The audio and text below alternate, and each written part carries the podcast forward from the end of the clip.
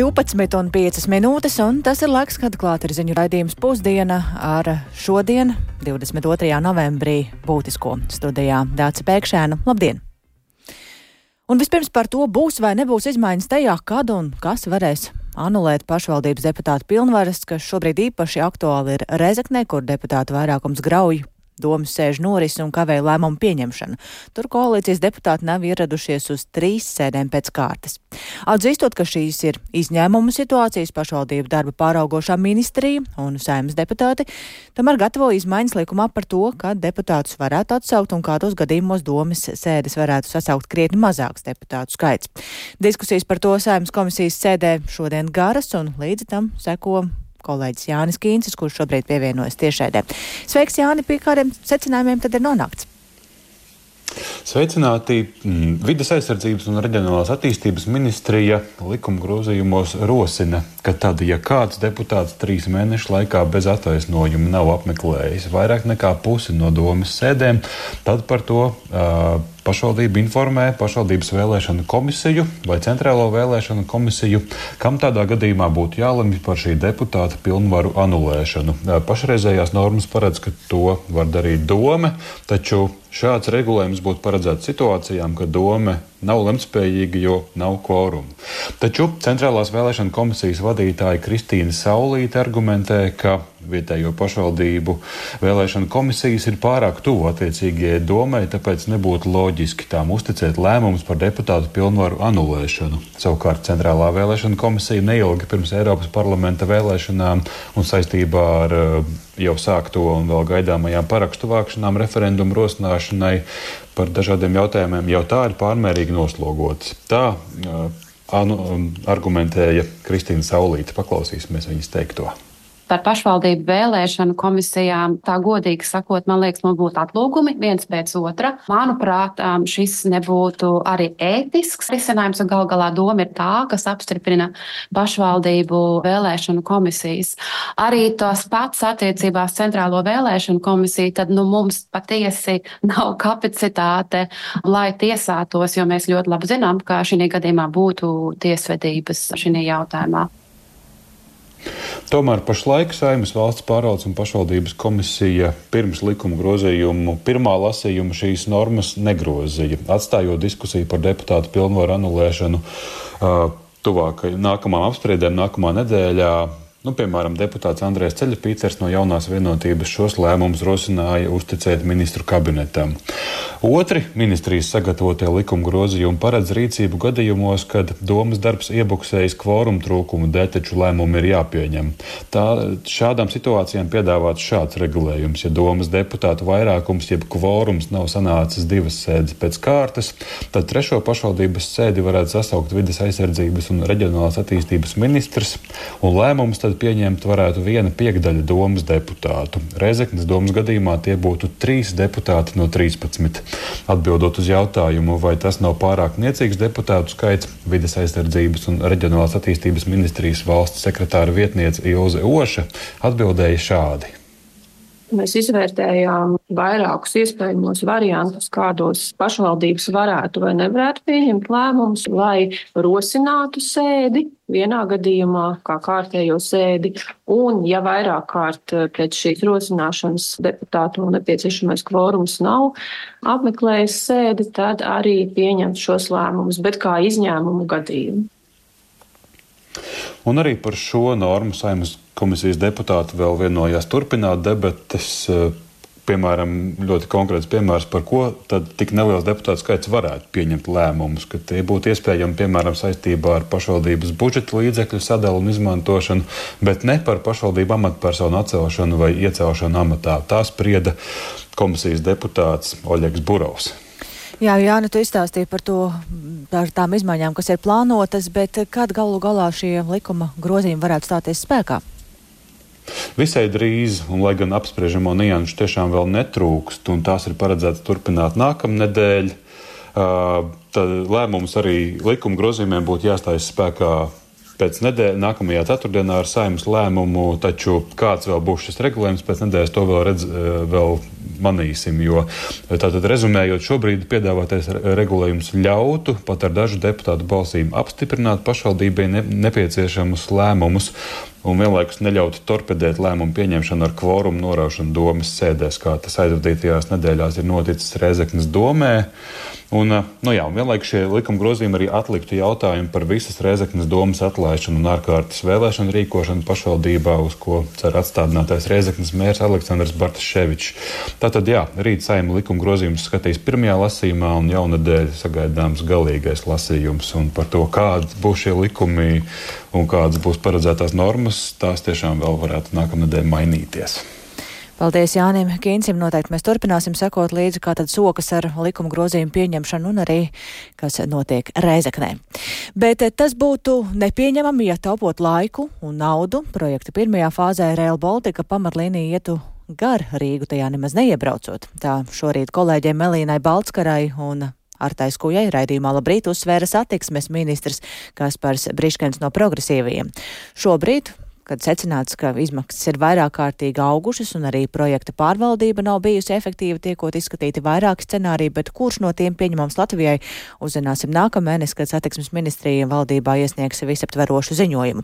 Bet jebkurā gadījumā Briškens uzsvēra, ka tas būs variants, kurā Rīga ir viens no posmiem jau pirmajā fāzē, turklāt būšot paredzētas būtiskas izmaiņas projekta pārvaldībā, lai būtu skaidri atbildīgi izslēdzot kolektīvo bezatbildību. Par to vairāk paklausīsimies sarunas fragmentā ar Briškenu. Ir septiņi scenāriji. Pagaidām viņi vēl nav publiski prezentēti. To mēs noteikti izdarīsim decembra laikā.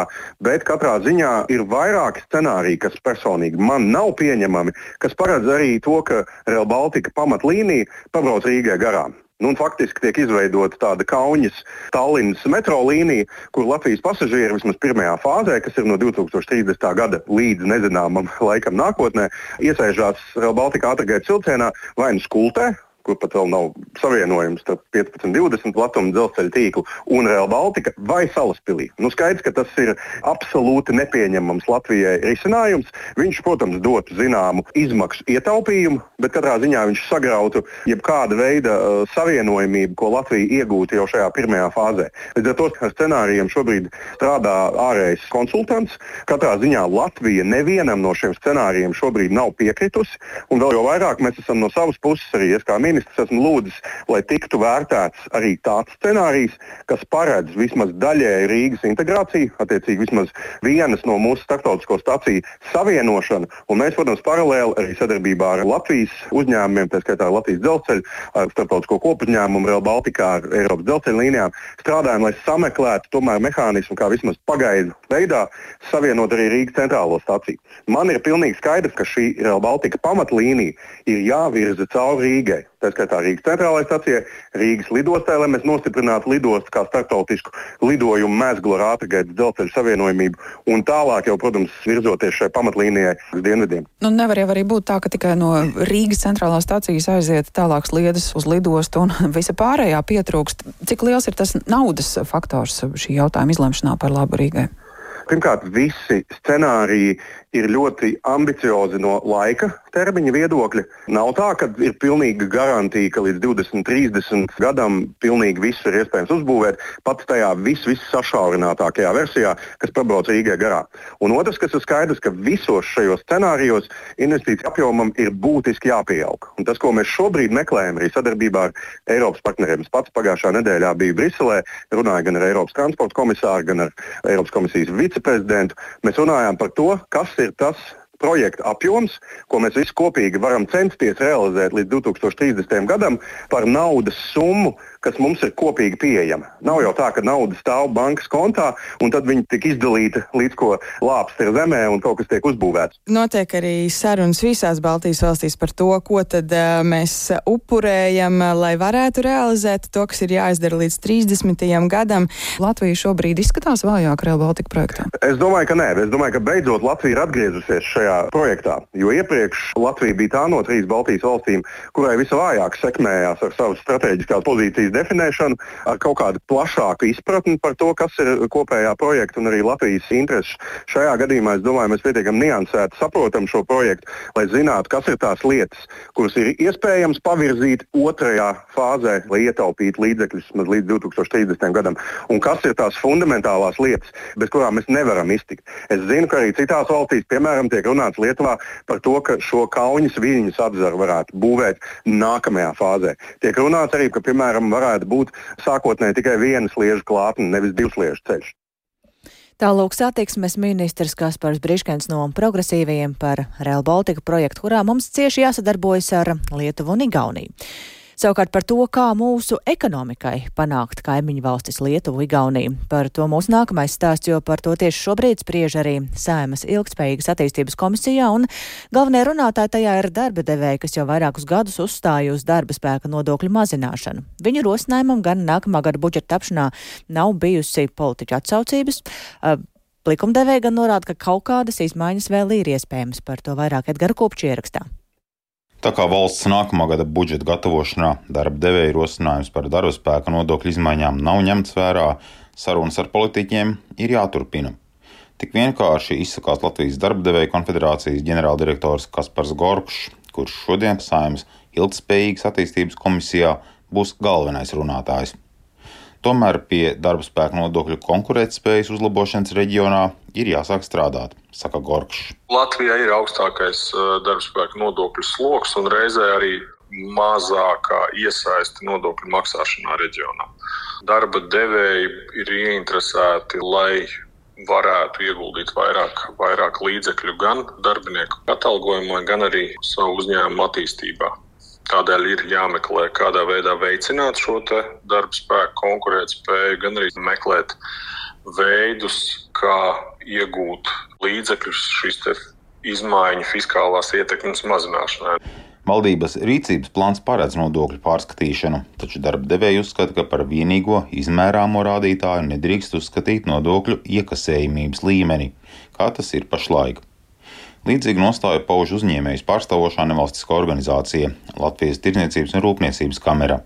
Tās valdes loceklis Jānis Lielpēteris neslēpj, ka pie lielas daļas darba, kas šogad tika paveikts sarunās par nodokļu izmaiņām, līdz ar valdības maiņu ir jāķers no jauna. Līdz šim faktiski tajā Latvijas ekonomikā tā pamatpieeja ir bijusi, kā paņemt vairāk no tiem spēlētājiem, kas ir esoši tirgū, pie esošās darbības, bet īsti nedomāt par to, kā tad uh, ļaut un palīdzēt šiem uzņēmumiem attīstīties un patiesībā tādā veidā vairot ieņēmumus no tā, ka uzņēmēji gūst lielāku peļņu. Līdz ar to arī šajā paradigmā, diemžēl, mēs neredzam tādu pārmaiņu, bet nu, tā ir viena no lietām, ar kuru skatāmies ar tādu lielu cerību uz uh, faktiski nākamo gadu. Cerams, ka tas uh, darbs rezultāsies tiešām kaut kādā konstruktīvā piedāvājumā, nu, tajās jomās, ko nu, vismaz nodokļu jomā, piemēram, darba spēku nodokļu konkrētu spēju, ko esam minējuši, nu jau šķiet arī nerimstoši jau kādus vismaz gadus piecus. Dažas pozitīvas lietas gan esot gaidāmas jau nākamajā gadā, piemēram, iespēja darba devējiem sekt strādājošā augstākās izglītības iegūs izmaksas bez nodokļu aplikšanas. Lielpēters gan teica, ka panākumi ir lielākoties par visai tehniskām lietām. Tās diskusijas vēl aizvien notiek par to, cik ļoti ir dažādi pietiekami sarežģīti administratīvie risinājumi patiesībā to labo ideju var sagatavot. Līdz ar to nu, tās diskusijas vēl arī noteikti pie budžeta otrā lasījuma turpināsies. Tā kā nu, atsevišķi mazi solīši pareizajā virzienā noteikti ir, bet nu, tā lielā aina pavisam noteikti to paradigmu nepamaina. Lielu izmaiņu valsts nākamā gada budžetā nebūs, atzīst Saimnes ilgspējīgas attīstības komisijas vadītājs Uģis Mitrēvits no pašlaik opozīcijā strādājošās Nacionālās apvienības. Uzdevām LDDK sagatavot atbildes un prognozes nodokļu izmaksu konkurētspēju, resursu pieejamību un izmaksas. Tad mēs gribam nu, redzēt to LDDK redzējumu, kā tās mūsu nodokļu izmaksas konkurē ar, ar, ar, ar kaimiņiem, konkurē, nekonkurē, atpaliekam. Nu, šis ir tas teiksim, īstenības brīdis ar pirmo un otro lasījumu. Nav tā, ka vēsturiski kāds būtu apmainījis budžetu pa 180 grādiem, un tomēr atsevišķas lietas tādā kopīgā sarunu gaitā, kad gan opozīcija, gan arī pašas nevalstiskās organizācijas, darba devēja konfederācija, arī varbūt sabiedrība liek manīt, ka kaut kas noteikti ir aizmirsts, un tad iespējams kaut ko vēl var vēst pa labu. Finanšu ministrs jau ir solījis, ka plašāks izmaiņas darba spēka nodokļos varētu būt gaidāmas tikai pēc gada. Edgars Kupčs, Latvijas radio. Par notikumiem citviet pasaulē Izrēla un teroristiskais grupējums Hamas beidzot vienojušies par pamieru, kā arī daļēju ķilnieku atbrīvošanu. Atbrīvoto ķilnieku skaits būs atkarīgs no tā, cik ilgi puses vēlēsies uzturēt pamieru, kas ir nepieciešams, lai ķilnieki droši pamestu gāzes joslu. Tikmēr Izraels premjers Benjamins Netanjahu ministru kabineta sēdē ir uzsvēris, ka īslaicīgā pamiera noslēgšana nenozīmē to, ka karš ir beidzies, un plašāk par to Rihards Plūme. Ziņas par to, ka vienošanās par ķīlnieku atbrīvošanu ir tuvu, pēdējo dienu laikā parādījās arvien vairāk. Daudzi teroristiskā grupējuma Hamas nolaupīto ķilnieku radinieki katru dienu gaida brīdi, kad beidzot pēc vairāk nekā mēneša ieraudzīs dzīvus savus ģimenes locekļus. Un šis rīts beidzot pienāca ar labām un ilgi gaidītām ziņām. Beidzot ir izdevies panākt vienošanos starp Izraēlas valdību un Hamas par ķilnieku atbrīvošanu. Saskaņā ar šo vienošanos Hamas četru dienu laikā jāatbrīvo 50 no apmēram 240 ķilniekiem, kurus šis grupējums tur gūst augstā gāzes joslā. Savukārt Izraela no saviem cietumiem atbrīvos 150 palestīniešus. Lai šī ķīlnieku atbrīvošana varētu notikt, uz četrām dienām tiks noslēgts pamieris. Sarunu vidutāja Katara norādījusi, ka pauzes sākuma laiks tiks izziņots tuvāko 24 stundu laikā, un pauze ilgs četras dienas un var tikt pagarināta. Pamieram turpinoties, Hamas atbrīvotu pa vēl desmit ķilniekiem katru pamiera dienu. Šī vienošanās detaļa, proti, ka pamieram turpinoties tiks turpināta arī citu ķīlnieku atbrīvošana, iedrošina ķīlnieku ģimenes un dot tām cerību, ka galu galā tomēr varētu tikt atbrīvoti visi ķīlnieki. Taču tas būs atkarīgs no tā, vai puses būs gatavas pamiera pauzi pagarināt. Kāda Izraēlas amatpersona iepriekš bija izteikusies, ka maksimālais cilvēku skaits, kas varētu tikt atbrīvots, būtu 80 cilvēki. Tas attiecīgi atbilstu nedēļu ilgai pamiera pauzei. Vienošanās paredz, ka abās pusēs tiks atbrīvoti civilisti, sievietes un bērni. ASV amatpersona norādījusi, ka atbrīvoto ķilnieku vidū būšot arī daži amerikāņi. Apmaiņas norisi uz vietas atbalstīs sarkanā pusmēneša darbinieki, kā arī Izrēlas, Hamas un Kataras amatpersonas. Izraēlas valdība savā paziņojumā ir uzsvērusi, ka šī vienošanās ir tikai pirmā stadija, un tā joprojām ir apņēmības pilna mājās atgriezt visus ķīlniekus. Ministru kabineta sanāksmē, kas sākās otrdienas vakarā, Izraēlas premjers Benjamins Netanjahu centās pārliecināt ministrus, ka kara darbības pārtraukumam būs tikai taktisks raksturs. Mēs esam Es vēlētos precizēt, mēs esam karā un mēs paliksim karā. Mēs turpināsim karot, līdz sasniegsim visus mūsu mērķus. Karā ir posmi, un arī ķīlnieku atgriešanā ir posmi, bet mēs neapstāsimies, līdz sasniegsim pilnīgu uzvaru un līdz neatgriezīsim viņus visus atpakaļ. Lēmums par šo vienošanos ir grūts, bet pareizs lēmums. Visas drošības amatpersonas to pilnībā atbalsta. Profesionālā novērtējumā tās apstiprināja, ka mūsu spēku drošība pamiera laikā tiks garantēta un izlūkošana šodienu laikā tiks saglabāta.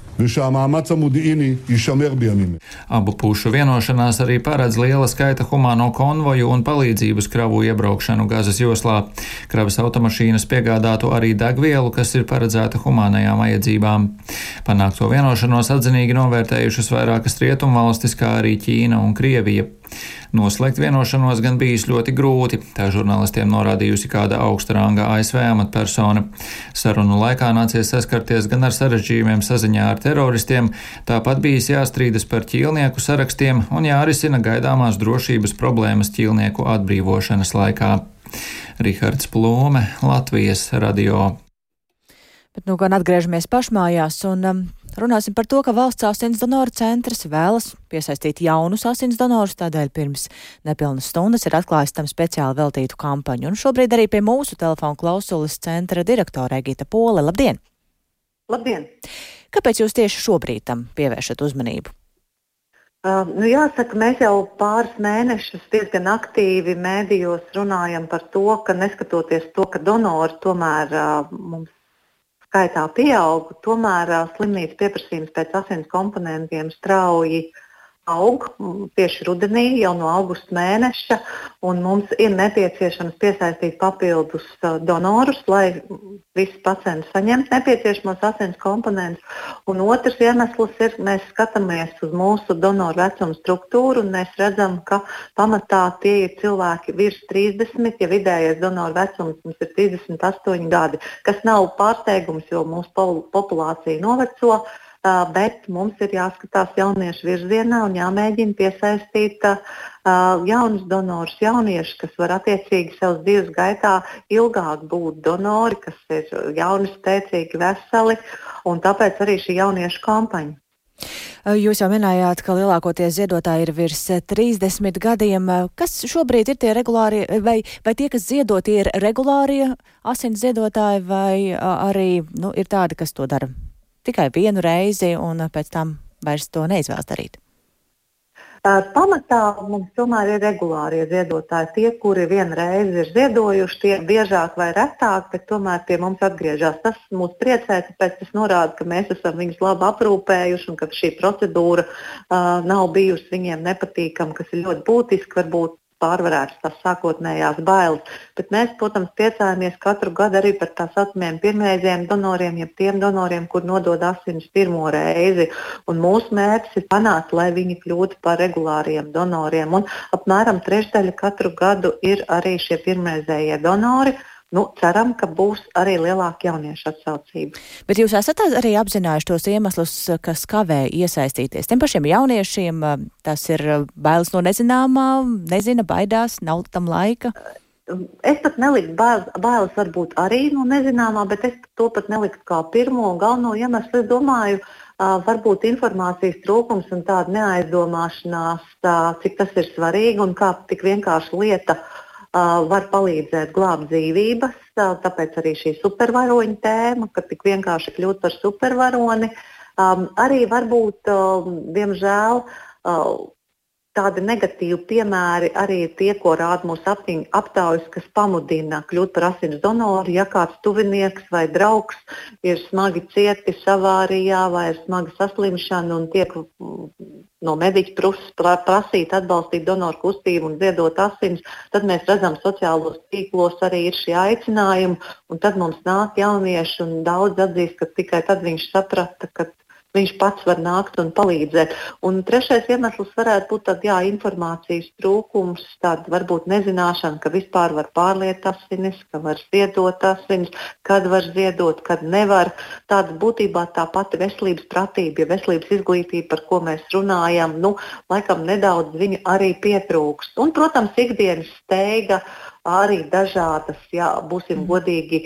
Jā, ķirurģiskas manipulācijas, kas tiek veiktas, tetovējumi, piercingi, eh, ja ar iejaukšanos ādā, kas uzreiz kādu laiku liedz būt par donoru, tur kāds laiks ir jānogaida, arī tālu ceļojumu. Tad mūsu dzīves ritms bieži var būt uh, nav tik mierīgs, lai mēs atrastu kādu brīvu brīdi, kad uh, mēs esam gatavi un arī medicīniski varam būt šie donori. Jā, jūs... Šiem visiem iemesliem kopā nākot, tas mm -hmm. arī ir rezultāts. Jūs pieminējāt tos iemeslus, kas varbūt kavē, bet tad uh, saliekot tā īsi tos punktus uz i, kas tad uh, var būt donors, ka, kas jāņem vērā ir un, un, un kā zināt, ka es, es varu būt piemērots ziedotājs asins? Tātad, principā, ir jājūtās veselām, jājūtās atpūtušamies. No rīta ir vieglas brokastis jāpēta, ir noteikti jādzer daudz šķidrums, lai būtu, lai būtu šis cirkulējošais šķidruma daudzums. Un, principā, ir jānāk. Pat jau ar ārstu varēs izrunāt visus neskaidros jautājumus. Ārsts noteikti pajautās, ja viņam būs kas jautājams, un tad arī, arī viss izstāstīs. Es domāju, um, nu, Varbūt arī iepriekš ir kādi jautājumi par kādām kroniskām saslimšanām, ar ko slimo vai medikamentu lietošanu, var pazvanīt uz mūsu bezmaksas informatīvo tālu un, un arī uzjautāt, var pats arī aizpildīt šo donors.lv mājaslapā anketu un tādējādi pārbaudīt, vai var atbildēt apstiprinoši uz visiem jautājumiem. Mm. Un atnākot jau šo anketu vienkārši izdrukāt. Būtībā ir jājūtās veselam, Mm -hmm. Jānāk, asins grupu zinātnē nav nepieciešama. Bieži mums jautā, ja jūs sakat, trūkst konkrēti asins grupu, tad es nezinu, to asins grupu, tad jūs nevarat nākt. Mēs pirmajā reizē noteikti to noteiksim, un tālāk jau jūs zināsiet. Jā, paldies. Šajā brīdī teikšu par sarunu valsts asins donoru centra vadītājai Egitai Polē. Runājām par um, centieniem piesaistīt jaunus asins donorus, un ar to tad arī skan raidījums pusdiena. Producents Lauris Vēnieks ierakstus montēja Renāša Teimanis par labskaņu rūpējās Ernests Valsts Fjodorovs, un ar jums sarunājās Dāca Pēkšēna. Raidījums pusdiena arī Latvijas radio mobilajā lietotnē ir jāsameklē dienas ziņas, bet ētrā mēs tiekamies atkal rīt.